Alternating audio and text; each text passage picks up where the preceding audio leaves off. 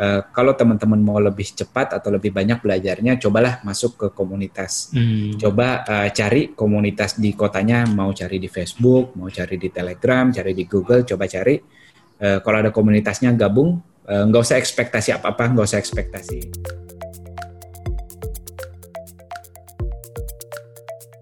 Selamat datang kembali di ceritanya Developer Podcast bersama saya Riza.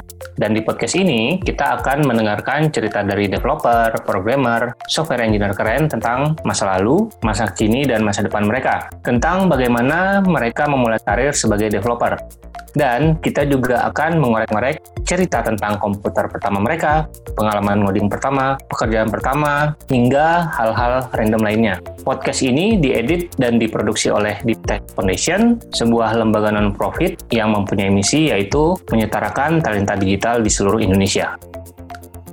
Dan sekarang uh, saya sudah bersama Hilman Ramadan, uh, salah satu developer yang uh, saya idolakan juga karya-karyanya, salah satunya karena sekolah coding. Dan uh, Mas Hilman ini ceritanya uh, waktu itu tahun lalu ya kalau nggak salah uh, saya sempat ke Makassar ya. Kita ketemu gitu kan sebenarnya tuh udah udah pengen banget nginterview cuman timingnya nggak pas gitu kan jadi akhirnya baru kesampaian tahun ini setelah uh, apa pandemi kita nggak bisa ke mana-mana uh, kita langsung sapa aja gimana Mas Hilman kabarnya Baik, baik Mas Riza. Alhamdulillah. Senang juga uh, setelah ketemu waktu itu justru hmm pas uh, lagi pandemi justru baru ada kesempatan buat ngobrol lagi langsung. Iya.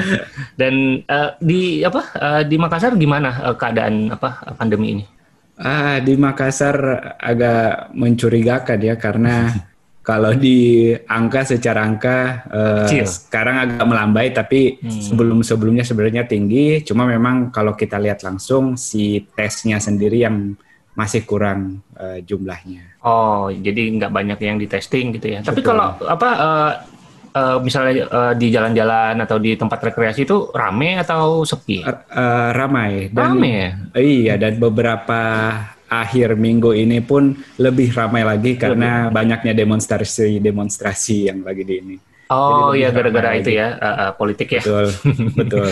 Oke oke oke. Kita uh, selesaikan saja pembicaraan tentang politik. kita kembali ke lebih baik kita betul sekali. uh, Oke, okay. uh, kita akan bicara-bicara santai uh, tentang apa uh, tentang ceritanya Mas Hilman ini. Uh, saya sangat tertarik sekali dengan apa uh, dengan uh, latar belakangnya gitu ya. Gimana dulu waktu belajar programming atau belajar kenal komputer lah pertama kali? Kenal komputer sejauh ingatan saya sih uh, Om waktu itu suka main ada game namanya game Commandos di Windows berapa waktu itu uh, ngeliatin ngeliatin aja omnya main. Hmm. Saya nggak tahu dia jurusannya apa waktu itu tapi sering sibuk di komputer jadi tapi kita hmm. kalau dia lagi nggak sibuk kita pakai buat kalau nggak main Commandos main Age of Empire. Oh, itu itu zaman kapan tuh SD SMP atau? Uh, kalau saya SD mungkin tahunnya antara 2002 sampai 2006 kalau tahunnya. Hmm. Oh, sempat nyobain Komandos ya? Komandos itu bukannya game yang paling susah ya? Saya nggak tahu tuh. Eh, banyak ngeliatin orang terus coba main-main. Hmm, jadi jadi uh, pintu gerbangnya game juga ya, ke, seperti kebanyakan developer developer pada iya, umumnya iya, kenal, ya, ya. kenal komputernya di situ. Uh, terus ya kalau aplikasinya paling kayak nyobain Paint hmm, bermain bermain di Paint. Terus uh, berlanjut nih apa uh, dari main-main komputer, main game, Paint dan lain-lain. Terus uh, tertarik ke programmingnya kapan? Oh, tertarik ke programming tuh masih uh, bertahun-tahun. Uh, tepatnya waktu itu sebelum mulai kuliah. Jadi uh, hmm. ceritanya saya kuliahnya nggak di Indonesia, di Jerman. Salah okay. satu syarat untuk kuliah di Jerman kita harus ikut kelas persiapan mereka kurang lebih satu tahun. Nah di hmm. kelas persiapan itulah saya ketemu uh, dengan pelajaran informatika waktu itu subjeknya. Oh. Nah di situ saya. Kok bisa kok bisa ini apa uh, kuliah di Jerman? Uh, kalau simpelnya sih karena ayah saya yang ini yang oh, rekomendasiin. Soalnya saya pribadi hmm. dari SMA juga nggak punya ketertarikan khusus kayak aduh mau kuliah apa ya atau mau kuliah di mana saya sama sekali ngeblank waktu itu sama sekali nggak ada kecintaan untuk mau kuliah waktu itu jadi ikut orang tua aja ikut orang tua hmm. di apa direkomendasikan sama Betul. orang tua untuk kuliah. Betul. Oh. Jurusan apa waktu itu? Eh, ambilnya media informatika, tapi selama persiapan dan sebelumnya waktu itu kepikirannya mau teknik mesin. Tapi dapatnya, eh, alhamdulillahnya nggak keterima di teknik mesin, yang keterima justru di informatika. Di informatika. Jadi pertama kali benar-benar eh, ngeh eh, programming dan lain-lain itu gara-gara ikut kelas persiapan ke kuliah itu. ya? Betul, kelas persiapan itu modelnya kayak kita belajar pelajaran SMA SMA lagi. Eh, di situ Oh, informatika ketemunya eh, pas semester 2 juga udah di akhir-akhir kita belajar Pascal waktu itu kalau nggak salah Hmm. dari terminal command line semuanya kayak aduh Hmm. kok keren banget ya bisa bikin program ini terus ada outputnya padahal nggak ada user interface-nya tuh nggak ada tapi excited, aja. Excited ya. Iya ya, Iya. zaman dulu mana ada kita belajar kayak HTML kayak sekarang ya kelihatan UI-nya ya. Iya. Oke oke. Oh, Oke. Jadi justru udah pilih jurusan baru tahu programming itu apa ya. Jadi kayak terjebak juga dalam tanda kutip ya. Betul, jadi eh, kebayangnya nggak ada sama sekali kuliah itu, cuman pas ketemu itu eh, jujur ada ketertarikan, tapi kayak ah udahlah teknik mesin aja aman di sini banyak Hmm. eh, kakak-kakak kelas yang teknik mesin kayaknya aman ntar kuliahnya bisa dibantuin. Nah Oke. takdirnya ternyata nggak lulus justru si teknik mesinnya. justru nggak lulus dulu masuk ke informatika ya. Hmm. Itu sekitar tahun berapa itu? Eh, Kuliah. 2011. 2011. Eh, berarti abis itu berangkat ke Jerman. Eh, Oh, gimana? enggak. Boleh boleh Iya, diceritakan boleh, boleh, boleh. Jadi setelah lulus SMA, waktu itu Aha. kita ada kelas bahasa sedikit. Kelas persiapan itu tadi eh, setelah di Jermannya. Jadi udah di Oh, jadi ada aturan dari mereka kurang lebih mereka itu bersekolah 13 tahun. Kalau kita kan 12 tahun sebelum kuliah, 6 tahun SD, 6 tahun SMP SMA. Kalau mereka tuh Oh, jadi 13 butuh satu tahun lagi. Betul, kita kayak ngelengkapin itu Hmm. setahun sekalian latihan bahasa bahasa. Di situlah saya ketemunya. Setelah itu eh, kita nggak ada ujian masuk kuliah, tapi full yang dinil yang dilihat tuh nilai si student collect itu istilahnya kelas persiapannya. Jadi dinilihat Hmm. hasil selama kelas persiapan dari situ kita bisa ngelamar-ngelamar ke kuliah. Nggak ada tes lagi masuk kuliahnya. Oh, Oke, jadi eh, penilaiannya pada saat belajarnya, proses belajarnya itu ya. betul. Hmm. Terus eh, begitu di sana, eh, mungkin bisa diceritakan sedikit sekilas gimana pengalamannya eh, kuliah di luar gitu? Iya, eh, saya nggak bisa bandingin ya. Paling bisa bandingin Ya. itu dari cerita-cerita. Eh, di sana Mhm. enaknya kalau masa kuliahnya dosennya benar-benar eh, tepat waktu. Eh, kalau Oke. misalnya berhalangan atau apa, pasti kita udah dapat email sebelumnya. Terus secara sistem semuanya udah terintegrasi di platform belajarnya mereka. Platform. Di platformnya itu udah Mhm. kayak kita bisa ngedownload modul-modul, kita bisa registrasi ujian, bisa ngelihat eh, registrasi jadwal kuliah semuanya di eh, satu platform itu semuanya. Oke, oke. Wah, jadi benar-benar apa ya sistem sistemnya udah jalan betul, gitu ya. betul. Oke. Nah, eh, di Jerman berapa lama? Eh, kurang lebih lima tahun. Lima tahun, lima tahun ya. Terus eh, sempat kerja juga di sana atau gimana? Eh, betul. Ja- Setelah eh, oh ya, jadi ceritanya nggak setelah kuliah, tapi Hmm, di semester Sambil. semester 4 atau semester 5 saya kena DO waktu itu. Oh, Iya, oke. setelah eh, DO, di situlah kayak eh, saya ngerasa saya suka kok sama pelajaran programming nih dan saya ngerasa Hmm, punya skill di situ di masa-masa DO itu saya eh, coba gali lebih dalam lagi seputar apa yang saya tertarik. Eh, kebetulan tertariknya website dan saya paksain juga untuk ngelamar ke beberapa perusahaan untuk nyoba kerja, tapi statusnya waktu itu sebagai as a student. Oh, Oke.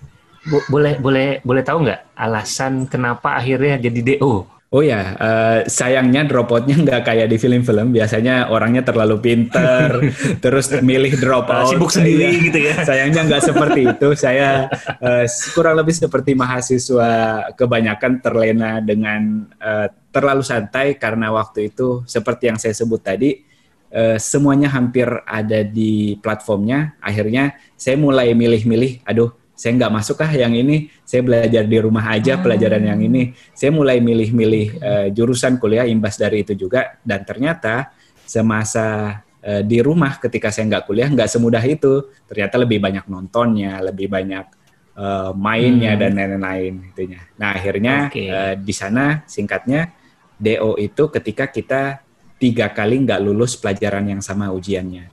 Hmm. Jadi uh, saya udah ujian pelajaran itu tiga kali, meskipun yang lain mau yang lain nilainya bagus, mau yang lain top, tapi kalau ada satu pelajaran aja nggak lulus tiga kali, udah kita di DO. Oh, Oke, okay. strict juga ya ternyata ya? Iya hmm. lumayan lumayan strict. Jadi uh, apa berangan-angan kalau bisa belajar sendiri otodidak ternyata belum mampu mentalnya mungkin ya untuk belajar sendiri. Betul. Padahal sebenarnya kalau dipikir-pikir pada saat kuliah itu uh, justru salah satu salah satu apa ya salah satu faktor pendukung saat kuliah gitu ya misalnya ketemu offline gitu yeah. salah satunya adalah lingkungan kan lingkungan belajarnya ya yang yang bikin uh, ini ya yang bikin kita semangat juga salah satunya Betul. ya. Di, di, di sana juga uh, terutama yang uh, saya menarik di sana kan agak bebas ya secara uh, pakaian yeah. uh, terserahlah hmm. orang mau gayanya seperti apa.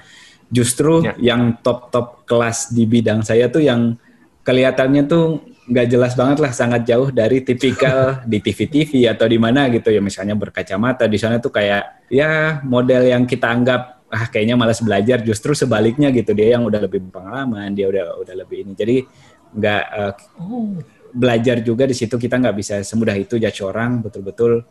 Ya orang tuh punya skill yang uh, nggak nggak bisa kita lihat dari sekedar fisiknya aja. Hmm, ya oke. Okay. Jadi uh, mungkin bukan kayak yang gayanya geek gitu ya kayak di film-film gitu betul, ya. Betul, betul. oke. Okay siapa tahu jangan-jangan dia malah hacker gitu ya, jarang mandi gitu. Hackernya jarang mandi. jarang mandi. Oke oke. Okay, okay. Nah uh, pada saat kuliah itu berarti tadi kan sempat diceritakan uh, bahasa pertamanya Pascal. Terus uh, sempat ketemu teknologi-teknologi uh, apa lagi selama kuliah? Iya uh, selama kuliah mulai dari semester 1 tuh Java kebanyakan. Jadi mhm. belajar mm -hmm. OOP di situ banyak. Uh, terus bahasa yang lain-lainnya tuh kayak Ruby, Terus yeah. semester atas baru dikenalin hmm. lagi sama dunia website. Hmm. Jadi banyaknya tuh mainnya di Java di awal-awal. Uh, sampai semester berapa waktu itu? Uh, semester lima kayaknya. Semester yeah. lima ya, oke. Okay. Udah cukup banyak juga yang didapat ya, berarti ya, yeah. kurang lebih ya. Uh, betul. Hmm. Cuman itu tadi dari saya pribadi kayak milih-milih uh, ah pengen kuliah hmm. yang ini ya, yang ini nggak mau. Iya iya iya. Dan uh, ingat nggak waktu itu sempat bikin project atau aplikasi apa sih yang keren-keren waktu kuliah? Uh, semasa kuliah uh, saya belum banyak ini, belum banyak eksperimen. Belum ya? ya betul. Justru hmm. setelah itu uh, baru mulailah iseng-iseng yang saya ingat tuh saya suka tim bola Juventus dari Italia Okay. Saya bikinlah okay. uh, tempat untuk orang bisa nge-drag drop hmm. uh, bikin formasi gitu, terus uh, orang bisa screenshot terus upload gitu ininya. Okay. Kalau nggak salah okay. teknologinya waktu itu apa ya Snap Snap SVG atau apa gitu namanya. Oke uh, oke, okay, okay. Menarik ya. Itu uh, pada saat apa setelah kuliah, Betul. setelah DU tadi ya. Tekanan ketika mau uh, ngelamar, mau nyari tempat kerja pengalaman, tapi saya nggak punya nggak punya ijazah. Uh, akhirnya saya kejarlah di hmm. punya portofolio yang bisa saya liatin skill saya. Oke, okay. itu itu works bisa itu seperti itu di sana. Iya, hmm, iya okay. bersyukurnya dapat. Jadi saya waktu itu setelah DO saya maksain lagi untuk uh, daftar kuliah, tapi emang udah nggak niat cuma kayak uh, biar bisa stay di sana dulu ngambil pengalamannya fokusnya sebenarnya okay. pengen fokus belajar di tempat kerjaannya uh, boleh di share nggak sih apa uh, pengalaman kerja jadi hmm. akhirnya kerja kan setelah DO itu yeah. ya dapat pekerjaan yeah. kerjanya apa yeah. boleh di share boleh uh, saya ngelamar uh, banyak banget sampai saya ngelamar perusahaan di sana kotanya di Berlin saya sampai hmm. ngelamar juga perusahaan di Jakarta, di Makassar, di kota hmm. saya sekarang juga. Pokoknya saya coba sebanyak-banyaknya. Mungkin 20-an atau 30-an waktu itu uh, ada yang tembus 2-3 interview. Terakhir, uh, betul-betul terakhir banget, akhirnya dapat kerjaannya waktu itu bikin website toko online-nya mereka menjadi responsif. Hmm. Nah, di situ responsif masih agak baru-baru, jadi banyak uh, website-website yang belum uh, mobile friendly. Si websitenya sendiri website uh, toko online jual ban sama pelet, saya sama sekali nggak hmm. ngerti hmm. dunia itu. Saya, aduh, okay. saya harus belajar nggak ya masalah ban-ban, masalah pelet-pelet. Tapi okay. uh, ternyata tugasnya itu uh, di wawancara pun waktu itu langsung dikasih assignment test coba kamu bisa nggak uh, kira-kira bikin website kita nih kalau di friendly desainnya seperti apa terus kalau kamu bikin HTML CSS-nya aja waktu itu seperti apa tampilannya Itu kurang lebih setelah hmm. interview itu tesnya, setelah itu keterimalah dan tugasnya betul uh, itu fokusnya bikin websitenya mereka jadi mobile friendly. Hmm, jadi apa yang dites sama pekerjaan sebenarnya itu hampir-hampir mirip gitu ya? Iya, hampir mirip. Ya. Uh. Jadi kita bisa dapat ekspektasi juga nanti kerjanya seperti apa kira-kira kayak gitu ya. Oke, okay. nah uh, selama jadi developer nih, uh, Hilman punya momen atau kontribusi yang membanggakan nggak? Saya pribadi ngelihat dengan uh, mungkin uh, viewernya banyak yang belum tahu sekolah coding, saya kenalin dikit ya, dulu. Boleh, silakan. Saya bikin uh, sekolah coding itu di masa transisi galau itu juga setelah saya drop out juga. Ceritanya kurang lebih teman-teman saya setelah saya DO masih suka mau belajar sama saya. Oh. Nah, saya masih bisa handle ketika dua tiga orang, cuman kebiasaan kita orang Indonesia mau belajar tuh pas deket-deket ujian. Akhirnya hmm. lama-lama numpuk lah orangnya. Saya nggak bisa ngajarin semuanya langsung. Jadi eh, saya coba, aduh, masa sih nggak ada di Google gitu. Saya cariin di Google yang bahasa Indonesia soalnya enggak eh, semua teman juga fasih bahasa Inggris di sana kan kuliahnya kita bahasa Jerman jadi buat okay. kalau belajar bahasa Inggris itu harus translate lagi harus translate ke Jerman lagi jadi saya nyariin resource bahasa Indonesia oh pada tahun itu ternyata masih kurang banget nah dari situlah saya kepikiran bikin si sekolah coding yaitu video tutorial yang waktu itu ditaruhnya di YouTube. Itu tahun berapa mulainya? Nah, kalau nggak 2015 kayaknya 2015. 2015. Ya, 2015 jadi video tuh ada cuman kayak nggak terstruktur terus belum belum se-hype atau seniat yang kita lakukan sekarang lah betul ininya. nah, uh, di situ saya ngelihat kesempatan, saya coba seriusin, ternyata pas saya udah bikin videonya, saya justru malu hmm. ngasih tahu ke teman saya. Saya kayak uh, kayak malu aja gitu ada di YouTube, terus ada suaranya. Waktu itu kan belum YouTuber tuh belum se hype so, sekarang gitu ya. Familiar sekarang gitu. Ya, YouTube tuh kayak, wow ada di TV gitu ada di YouTube. Uh, nah saya jadi videonya dalam tanda kutip saya sembunyiin, saya nggak share ke teman saya, tapi justru komentarnya tuh, oh ternyata ada mahasiswa di Medan, ada mahasiswa uh, di Ternate, ada macam-macam lah tempatnya. Oh ternyata nih hmm. orang benar-benar butuh, orang benar-benar pakai. Akhirnya itulah yang diseriusin sampai sekarang. Uh, balik ke pertanyaannya dibanding bangga saya lebih ke senang. Saya senang banget dengan bikin sekolah coding ini. Benar-benar banyak banget jalan yang kebuka buat saya. Uh, termasuk kenal orang-orang di industri ini termasuk kenal Mas Riza dan uh, masih banyak lagi yang saya yakin kalau saya nggak bikin sekolah coding saya nggak bisa dapetin itu. Dan uh, pada akhirnya sekolah coding jadi jadi apa jadi produk yang apa ya yang benar-benar uh, Hilman bekerja full time di sekolah coding Betul. gitu. Uh, banyak yang kaget juga kalau saya itu uh, nggak kerja di tempat lain. Saya kerjanya di sekolah mm-hmm. coding. Jadi emang mm-hmm. waktu pulang ke Indonesia itu kurang lebih sekolah codingnya udah jalan satu tahun tapi nggak ada duitnya nggak menghasilkan duit saya duitnya ya dari dari kerja itu tadi yeah, yeah. saya uh, janjian lah sama orang tua saya saya bilang kalau saya pulang ke Indonesia yeah. uh, soalnya kan ketahuan nih sama ibu saya ceritanya kalau saya udah nggak kuliahnya udah nggak bener nih udah. Oh tadinya dirahasiain uh, gitu apa ya curhatnya pelan pelan jadi oh, pelan pelan okay. curhatnya pelan pelan okay, biar nggak kaget iya, gitu biar ya. nggak kaget. Pelan pelan mereka ambil keputusan aduh jangan deh kalau mau kerja jangan. Orang tua nggak mau gitu kalau kamu jadi berkarir dan tinggal di sana maunya di sini aja di Indonesia, maunya di Indonesia. Nah, jadi waktu itu deal dealan boleh saya pulang ke Indonesia tapi syaratnya saya nggak mau langsung eh, jangan paksain saya buat nyari-nyari kerjaan atau nyuruh saya kuliah lagi. Kantor, gitu. Saya mau hmm, coba jadi kantoran hmm, gitu ya. Saya mau coba uh, hmm. bikin nih sekolah coding saya putar otak gimana supaya bisa menghasilkan duit. Soalnya hmm. di tahun tersebut istilah uh, premium tuh masih jarang banget produk-produk Indonesia. Saya tahunya tuh dari Spotify waktu itu istilah premium oh kayaknya kayaknya oh, masuk iya. akal nih subscriber Betul, gitu ya model subscribe hmm. yang berbayar nah yeah. Iya. uh, dari situlah jadi saya pulang ke Indonesia kurang lebih 2-3 bulan uh, ketemulah model yang saya mau yaitu yang uh, model premium dan setelah itu sampai sekarang saya hidupnya atau dapat duitnya dari situ nggak kerja di tempat lain alhamdulillahnya hmm. Nah ini yang yang yang apa yang saya salut banget gitu sama Hilman karena uh, saya bercita-cita sekali punya produk seperti ini tapi uh, syukur alhamdulillah sampai sekarang belum tercapai tapi kita tercapai dalam bentuk lain ya. gitu ya ini kan model-model apa ya kalau uh, Mas Yohan bilang kan apa kayak indie hacker gitu kan. Jadi kayak orang ya satu dua orang mungkin segelintir orang lah sedikit gitu bukan dalam korporasi, bukan dalam startup gitu. Ya. Dibilang startup juga masih terlalu kecil yeah. gitu ya, nggak ada funding dan lain-lain tapi bisa istilahnya bisa bisa jadi lahan pekerjaan gitu. Itu luar biasa sih. Salut banget. Dan Uh, mungkin boleh di-share sedikit ya, kalau subscriber itu kan kalau di luar itu bisa berjalan seperti yang banyak orang uh, apa success story yang lain-lain yeah. gitu. Salah satu alasannya karena ada kayak recurring gitu ya, ada misalnya yeah. dia mereka pakai kartu kredit terus di tiap bulan dipotong gitu. Kalau kalau di uh, sekolah coding sendiri gimana itu proses recurringnya? Yeah, memang itu uh, tantangan. Jadi saya ngakalinnya saya bikin uh, paketnya. Jadi ada paket sebulan, paket enam bulan, sama paket setahun. Nah, recurringnya ambilnya dari situ langsung, dari setahun atau enam bulannya. Memang uh, agak tricky karena salah satu fitur agak spesifik ya. Kalau fitur di sekolah coding sendiri, uh, saya ngebolehin buat usernya download videonya karena emang salah satu masalahnya teman-teman tersebut uh, kadang koneksinya nggak bagus. Jadi biasanya lagi ke warnet atau numpang wifi-nya di situlah dimaksimalin download to the max ini. Nah biasanya kayak gitu. Jadi yeah. saya bolehin lah buat download.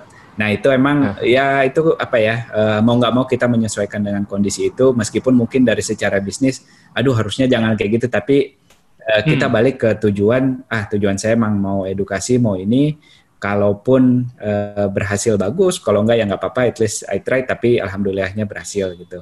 Jadi ngakalin si subscribe-nya itu memang bukan bayar per bulan tapi ngasih paket enam bulan, ngasih paket satu oh, tahun. Okay. Jadi sistemnya tetap transfer, bank transfer, yeah. tapi uh, per bulan mau enam bulan, mau berapa bulan yeah, gitu ya? Betul. Oh nice. Dan uh, boleh di share mungkin angkanya sekarang yang premium berapa berapa uh, user? Sayangnya gitu? belum ada satupun orang yang tahu selain saya itu. termasuk oh, boleh, ya? termasuk ya? orang tua saya nggak tahu itu angkanya. oh nggak tahu. tapi uh, tapi angkanya apa ya bilangnya ya udah di atas UMR di atas yang saya mau dan cukup buat saya bertahan dan bikin karya-karya lainnya. Hmm, jadi, uh, jadi sekarang uh, sekolah coding itu masih Hilman sendiri atau ada bantuan dari teman-teman? Uh, iya, uh, sekolah coding itu dasarnya saya sendiri yang develop. Di hmm. mungkin hmm. pada saat di sana saya pernah punya teman untuk bantu ngebangun forumnya. Jadi ceritanya okay. si temennya ini tiap saya ketemu, eh keren nih sekolah coding yang lo bikin. Dia uh, istilahnya muji-muji terus. Saya kepikiran wah kalau ada orang yang suka banget sama produk saya kenapa dia nggak jadi tim saya aja? Gitu. Hmm. nah dia waktu itu saya mau ngembangin si forumnya sekolah coding. Soalnya kan kita juga belum ada forum yang kayak Stack Overflow waktu itu. Yeah. Ya, uh, dia dasarnya suka forum di Kaskus. Nah jadi dari backgroundnya hmm. dia uh, mainin forum di Kaskus sama-sama lah kita develop si forumnya sekolah coding ini yang sampai sekarang juga masih jalan. Nah, eh, cuman pada saat saya pulang kembali, dia mau lanjutin sekolahnya dan mau fokus berkarir di sana, akhirnya kita berpisah. Sampai sekarang hmm. sendiri, saya jadinya sendiri. Nah, cuman yang banyak eh, orang-orang miss itu, terutama teman-teman eh, mahasiswa atau apa yang, wah kok bisa ya bikin sendiri, padahal ini banyak. Eh, kuncinya itu ya kita perbanyak oto otomatisasinya. Jadi saya sebanyak mungkin bikin semuanya jadi otomatis. Menarik juga mungkin si konten-konten yang saya bikin itu ya bikinnya kita cuma bikin satu kali tapi bisa dijual dalam tanda kutip bisa dijualnya berkali-kali. Nah itu kan juga secara waktu kita jadinya apa ya mungkin istilah programmingnya asinkronus kita bikinnya saat ini terus hmm. ya hasilnya nanti kita dapat kita dapat jadi kalau secara human time waktu manusia masuk bisa masuk akal ya karena bantuan teknologi ini karena saya bikin hmm. perbanyak mungkin jadi otomatis uh, saya bikin perbanyak mungkin uh, yang saya pun uh, trial and error hal-hal yang nggak penting saya berusaha saya eliminasi saya keluarin dari fitur-fiturnya sekolah coding kayak gitu. Jadi hmm. eliminasi yang nggak penting-penting, terus bikin otomatis yang udah berjalan. Kalau sekarang, kalau sekarang kegiatannya apa? Apa masih fokus di sekolah coding, bikin-bikin konten masih ya? Yeah. Iya. Uh, terus apa lagi mungkin boleh di share ke teman-teman? Uh, kalau secara umum sih waktunya emang banyak banget saya buat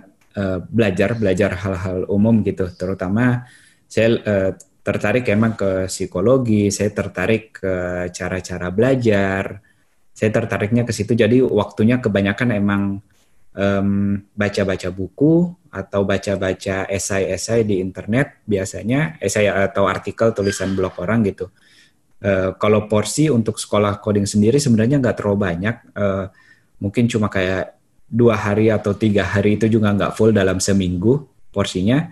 Jadi uh, paling banyak emang belajar, terus diolah ke tulisan. Tulisan itu bisa jadi tulisan blog atau tu, uh, jadi podcast dari tulisan itu. Dan uh, sisa waktunya uh, eksperimen, main-mainin termasuk yang paling baru kemarin itu bikin namanya Pulau Dev. Nah itu hasil dari uh, pengangguran waktu pengangguran juga. Uh, mungkin boleh di share itu Pulau Dev itu uh, tujuan dibikinnya apa dan uh, pengennya uh, nanti berkembang seperti iya. apa? Jadi uh, saya ngelihat salah satu alasannya itu saya itu sendiri di sekolah coding. Saya uh, pengen banget belajar untuk uh, punya tim. Saya pengen belajar gimana kerja dengan tim, terutama pengalaman saya kerja di dunia nyata itu uh, kurang lebih waktu itu cuma satu tahun. Setelah itu saya full time sekolah coding, jadi saya ngerasa udah cukup jauh juga gap saya dengan ini. Saya pengen belajar dari orang-orang lain. Dari situlah saya uh, ngejapri beberapa orang, termasuk salah satunya ada Mas Yohan yang tadi disebut.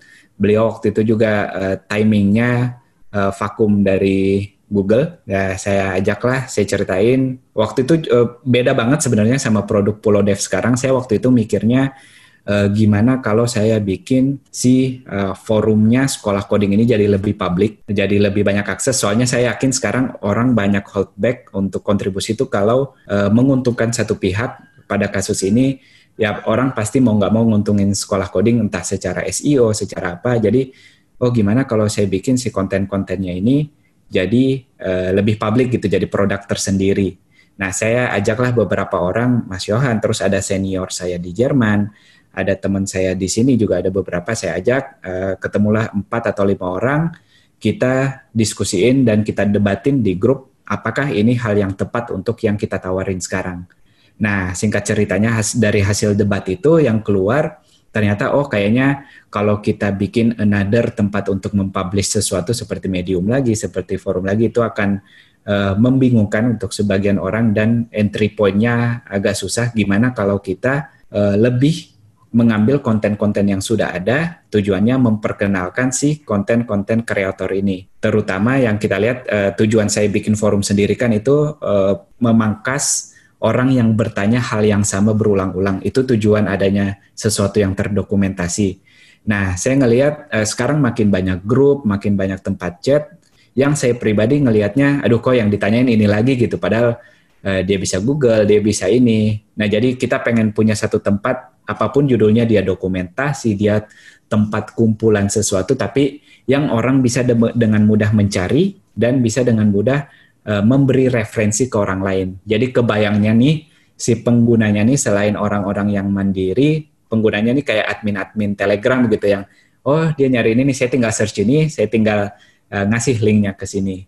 Dan kita nggak ngebatasin kontennya tuh dari kita, tapi kita bisa buka seluas-luasnya konten ini orang yang sudah buat masing-masing termasuk uh, podcastnya Mas Riza, termasuk uh, blognya uh, Mas Irfan misalnya dan banyaklah blogger-blogger yang uh, belum banyak dikenal orang tapi kalau ada satu wadah yang kita bisa sama-sama uh, ngelihat sama-sama bisa ngelihat kumpulannya kita bisa kategorisin kategoriin dengan baik uh, kita harapnya bisa membantu soalnya sekarang statusnya masih sangat early kita nggak tahu apakah ini berhasil atau enggak tapi selama ini prinsip saya seperti itu saya bikin-bikin eksperimen kalau bagus lanjut kalau enggak ya jangan dipaksain nah ini menarik nih uh, apa uh, Hilman ini udah nge-share sedikit gimana proses uh, apa ya proses bikin produk lah kira-kira kayak gitu kan dari mulai hmm. sekolah coding hmm. coba-coba hmm. terus uh, ternyata berhasil terus uh, sempat apa sempat bikin ini space juga kan waktu itu ya Habis itu uh, oh ya mau betul. ditutup gitu kan? Oh, belum tutup ya belum, November ya? Belum satu minggu, ah belum satu minggu ini saya hmm. ngumumin itu. Uh, terus betul uh, apa? Uh, terus sekarang bikin Pulau Dev juga gitu kan? Uh, sebenarnya ya ini ini harus di di garis bawahi uh, sama teman-teman sih. Katakanlah uh, teman-teman yang belajar programming gitu ya, belajar programming kayak hanya sekedar uh, mengkonsumsi video atau artikel gitu ya, tapi nggak bikin apa-apa mungkin uh, hmm. idenya sebenarnya kan nggak nggak juga bukan hal yang baru kan kayak Pulau Dev itu udah udah banyak iya. juga maksudnya udah tersedia lah di luar Betul. gitu kan tapi uh, gimana uh, gimana caranya kita implementasikan ilmu yang kita punya ke sebuah produk ya dari awal sampai deploy sampai akhir sampai bahkan sampai marketing dan lain-lainnya gitu kan itu uh, belajar Betul. apa banyak uh, yang bisa kita pelajari juga dari sana gitu ya luar biasa. Betul. Uh, termasuk saya yakin sekedar bikin podcast mungkin kelihatannya simpel gitu, tapi saya yakin uh, Mas Riza belajar banyak banget dari bikin podcast dan masalahnya pasti banyak banget dari sekali, bikin ya. podcast uh, ini. Masalah utamanya yang pasti konsistensi kan. Yeah. Termasuk juga ya kita ngoding, kita bikin artikel, kita bikin konten dan lain-lain semuanya harusnya konsisten. Betul. Betul. Oke, okay. itu yang harus dijaga. Betul. Oke, okay. wah uh, seru sekali ya. Terus uh, apa sih yang yang Hilman ingin capai gitu? Kenapa bikin produk-produk produk terus gitu? Maksudnya yeah. kenapa eksperimen terus gitu? Uh, yeah. Bikin sesuatu yang baru, yang mungkin yang tadinya udah nih sekolah coding udah udah kelihatan yeah. bentuknya lah gitu kan, udah ada monetisasinya juga. Yeah. Terus mau bikin hal yang baru lagi selain tadi ya uh, yang ingin coba kerjasama dan lain-lain. Apa sih yang ingin dicapai gitu? Saya ngelihat apa ya kesempatan kita di hidup kita nggak tahu kita kapan kita meninggal. Terus secara meskipun kita hidup pun belum tentu ada kesempatan besok tuh kesempatan secara finansial, ada kesempatan secara waktu atau tenaga itu itu semua kesempatan yang kita nggak ngelihat gitu. Kita taunya oh bisa ngoding nggak sih? Ya udah ngoding aja gitu. Padahal banyak banget variabel waktu, variabel uh, finansial. Kalau ini udah ke impact uh, kita pun waktu untuk bikin sesuatunya jadi kurang. Jadi sekarang saya ngelihat uh, justru bukan karena saya udah ada jadi saya santai, tapi justru karena saya ada, oh berarti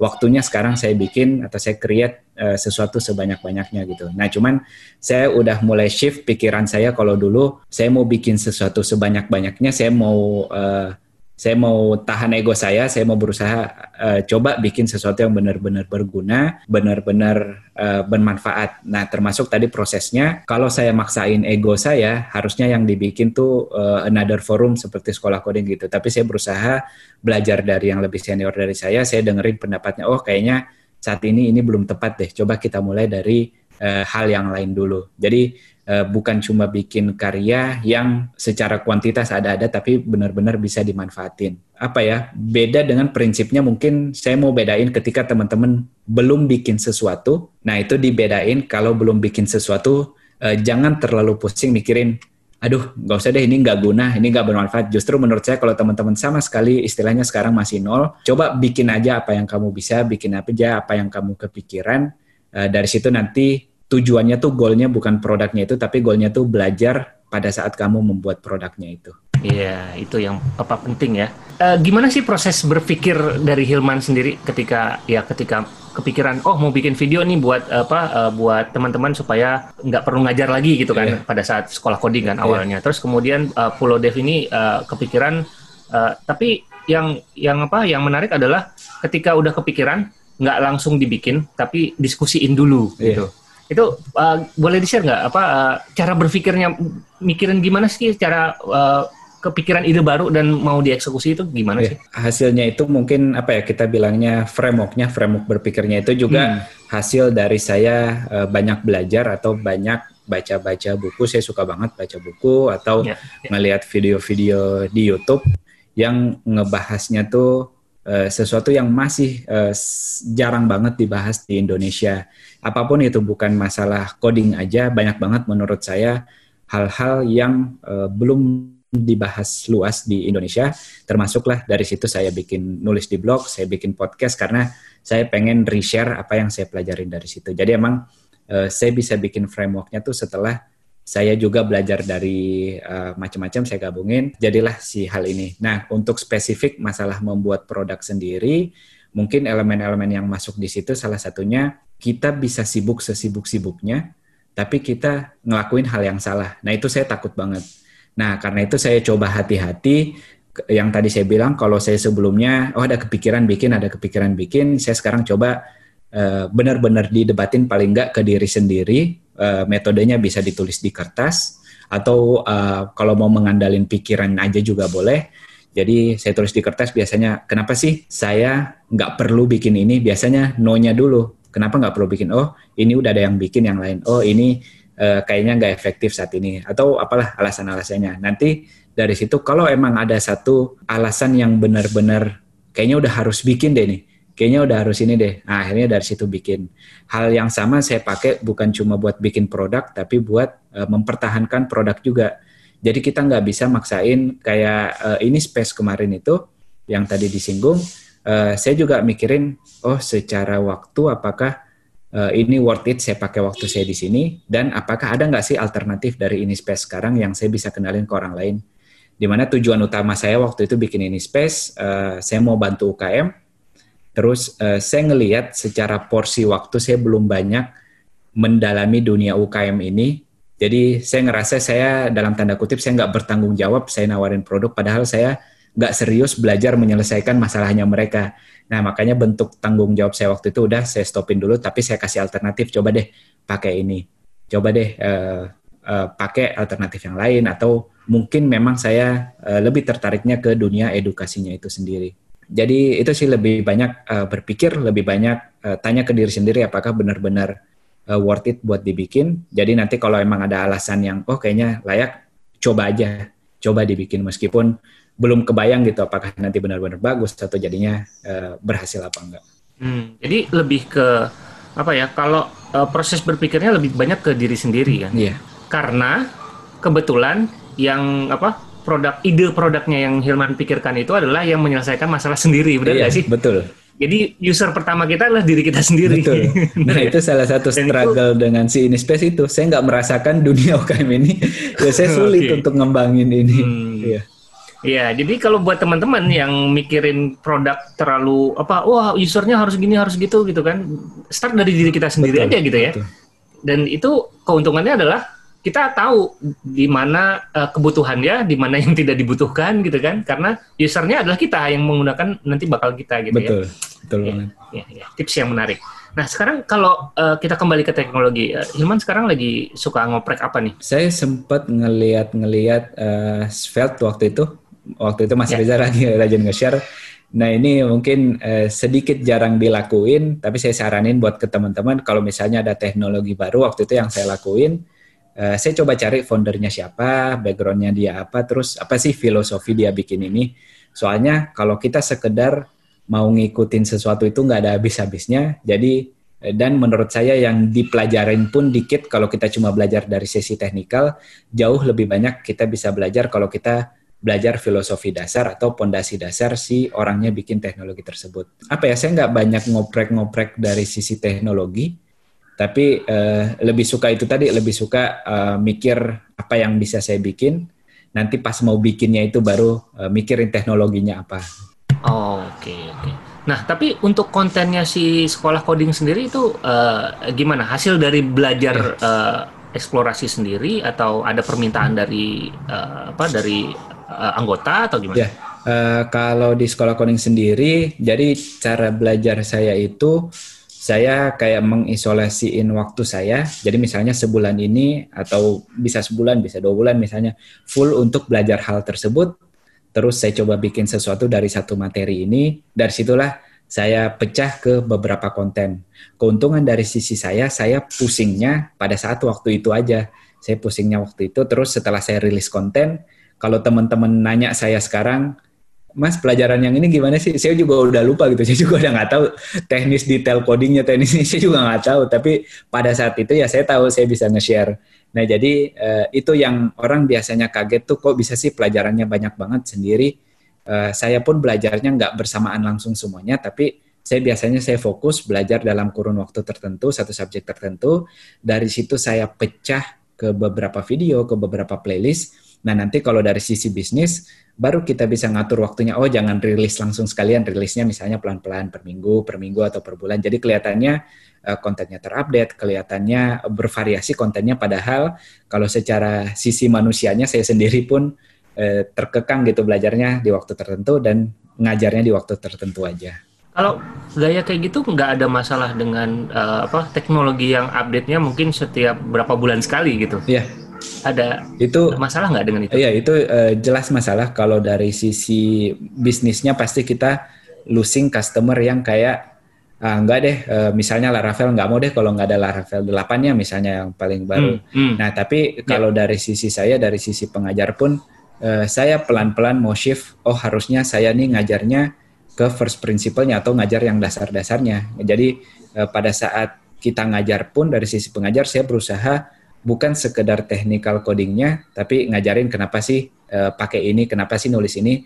Termasuk saya ngajarin yang paling penting itu ngelihat dokumentasi. Itu yang kita males ah. banget luar biasa ngelihat dokumentasi. Maunya maunya langsung tutorial terupdate begitu, padahal ada dokumentasi. Jadi uh, dari sisi saya pun berusaha bertanggung jawab dari pengajarnya itu ngasih yang lebih ke akar-akarnya atau lebih ke dasar-dasarnya. Masalah teknikalnya hmm. jadi uh, kayak secondary Oke, jadi lebih ke apa ya ke gimana cara mempelajari satu framework itu tanpa tergantung kepada versinya. Iya betul, e, termasuklah hmm. apa misalnya mental dalam belajar, mental dalam belajar sesuatu yang baru.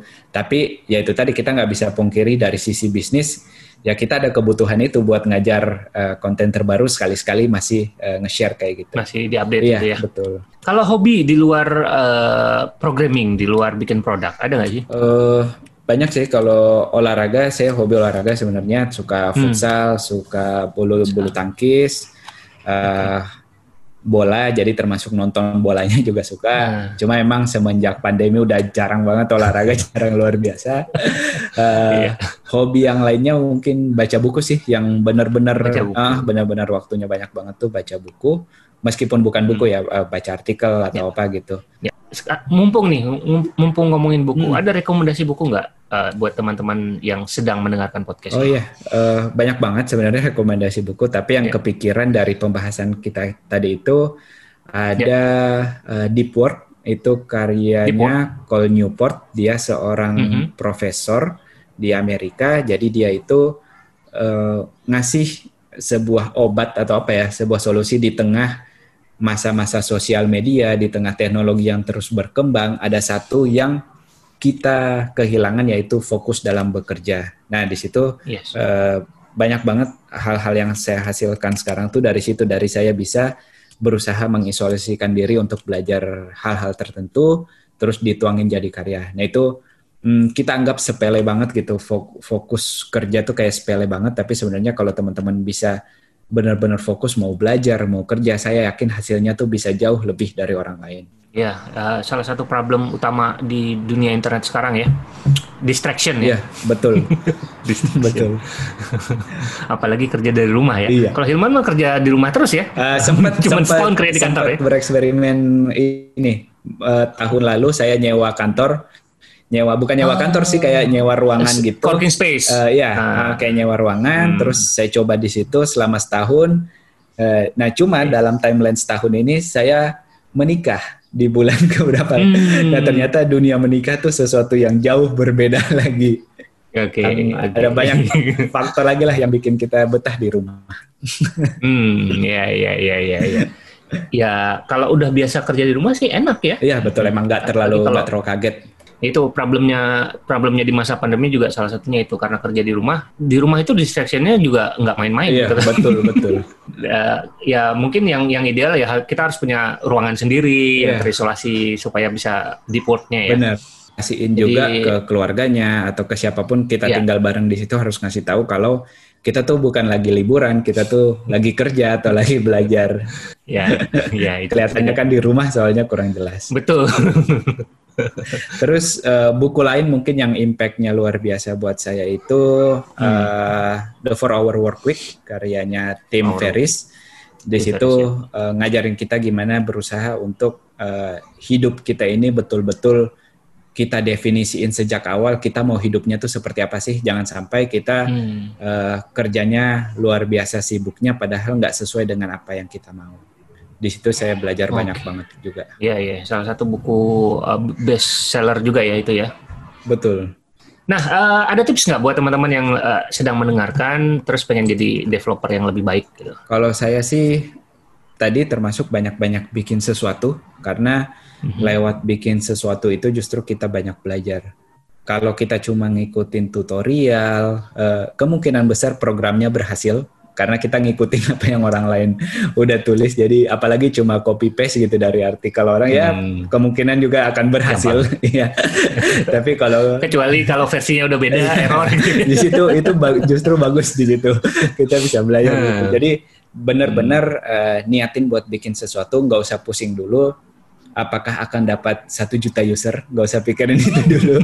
coba, okay. coba bikin sesuatu dulu. At least yang Mas Riza bilang, coba apa sih masalah yang kamu alami sekarang? Coba bikin hmm. aplikasinya atau bikin sesuatu dari situ. Jadi uh, dari situ justru kita banyak belajar. Terus tips lainnya, uh, meskipun buat teman-teman yang suka belajar sendiri biasanya bilang, oh ya saya belajarnya otodidak gitu. Tapi aslinya uh, saya Mas Rida dan siapa pun nggak ada yang belajarnya sendiri. Kita pasti punya komunitas. Kita uh, at least kalau nggak aktif di komunitas pasti kita belajar dari orang lain lewat resource-resource ya. yang ada di internet. Jadi walaupun kita bilang belajar sendiri itu sebenarnya kita nggak benar-benar sendiri. Uh, walaupun tidak terlalu aktif. di uh, mungkin website aja saya ngarahinnya hilman. Di website uh, ya, hilman, hilman, hilman ya. space. Di situ juga ada link-link apa link-link Twitter, Instagram, iya ada email juga di situ. Ada email juga yang bisa langsung dikontak ya. Iya. Oke, kalau gitu terima kasih banyak Hilman atas waktunya, atas ceritanya. Uh, sukses terus buat karir dan kehidupannya. Kita ketemu lagi lain waktu. Sampai jumpa. Siap. Uh, saya juga terima kasih banyak kesempatannya buat Mas Riza. Semoga siap, jadi siap. jalan juga buat kenal banyak orang-orang lain di sini. Amin, insya Allah, insya Allah. Itu dia episode ceritanya Developer Podcast kali ini. Nantikan episode-episode ceritanya Developer Podcast selanjutnya. Kritik, saran, atau sekedar hai, silakan email ke rizafahmi@gmail.com atau mention rizafahmi22 di Twitter. Sertakan juga hashtag ceritanya developer. Dan buat teman-teman yang mau support podcast ini agar terus ada, bisa dengan cara subscribe ke iTunes atau Spotify. Search aja ceritanya developer, terus langsung subscribe dan kasih rating serta komentar.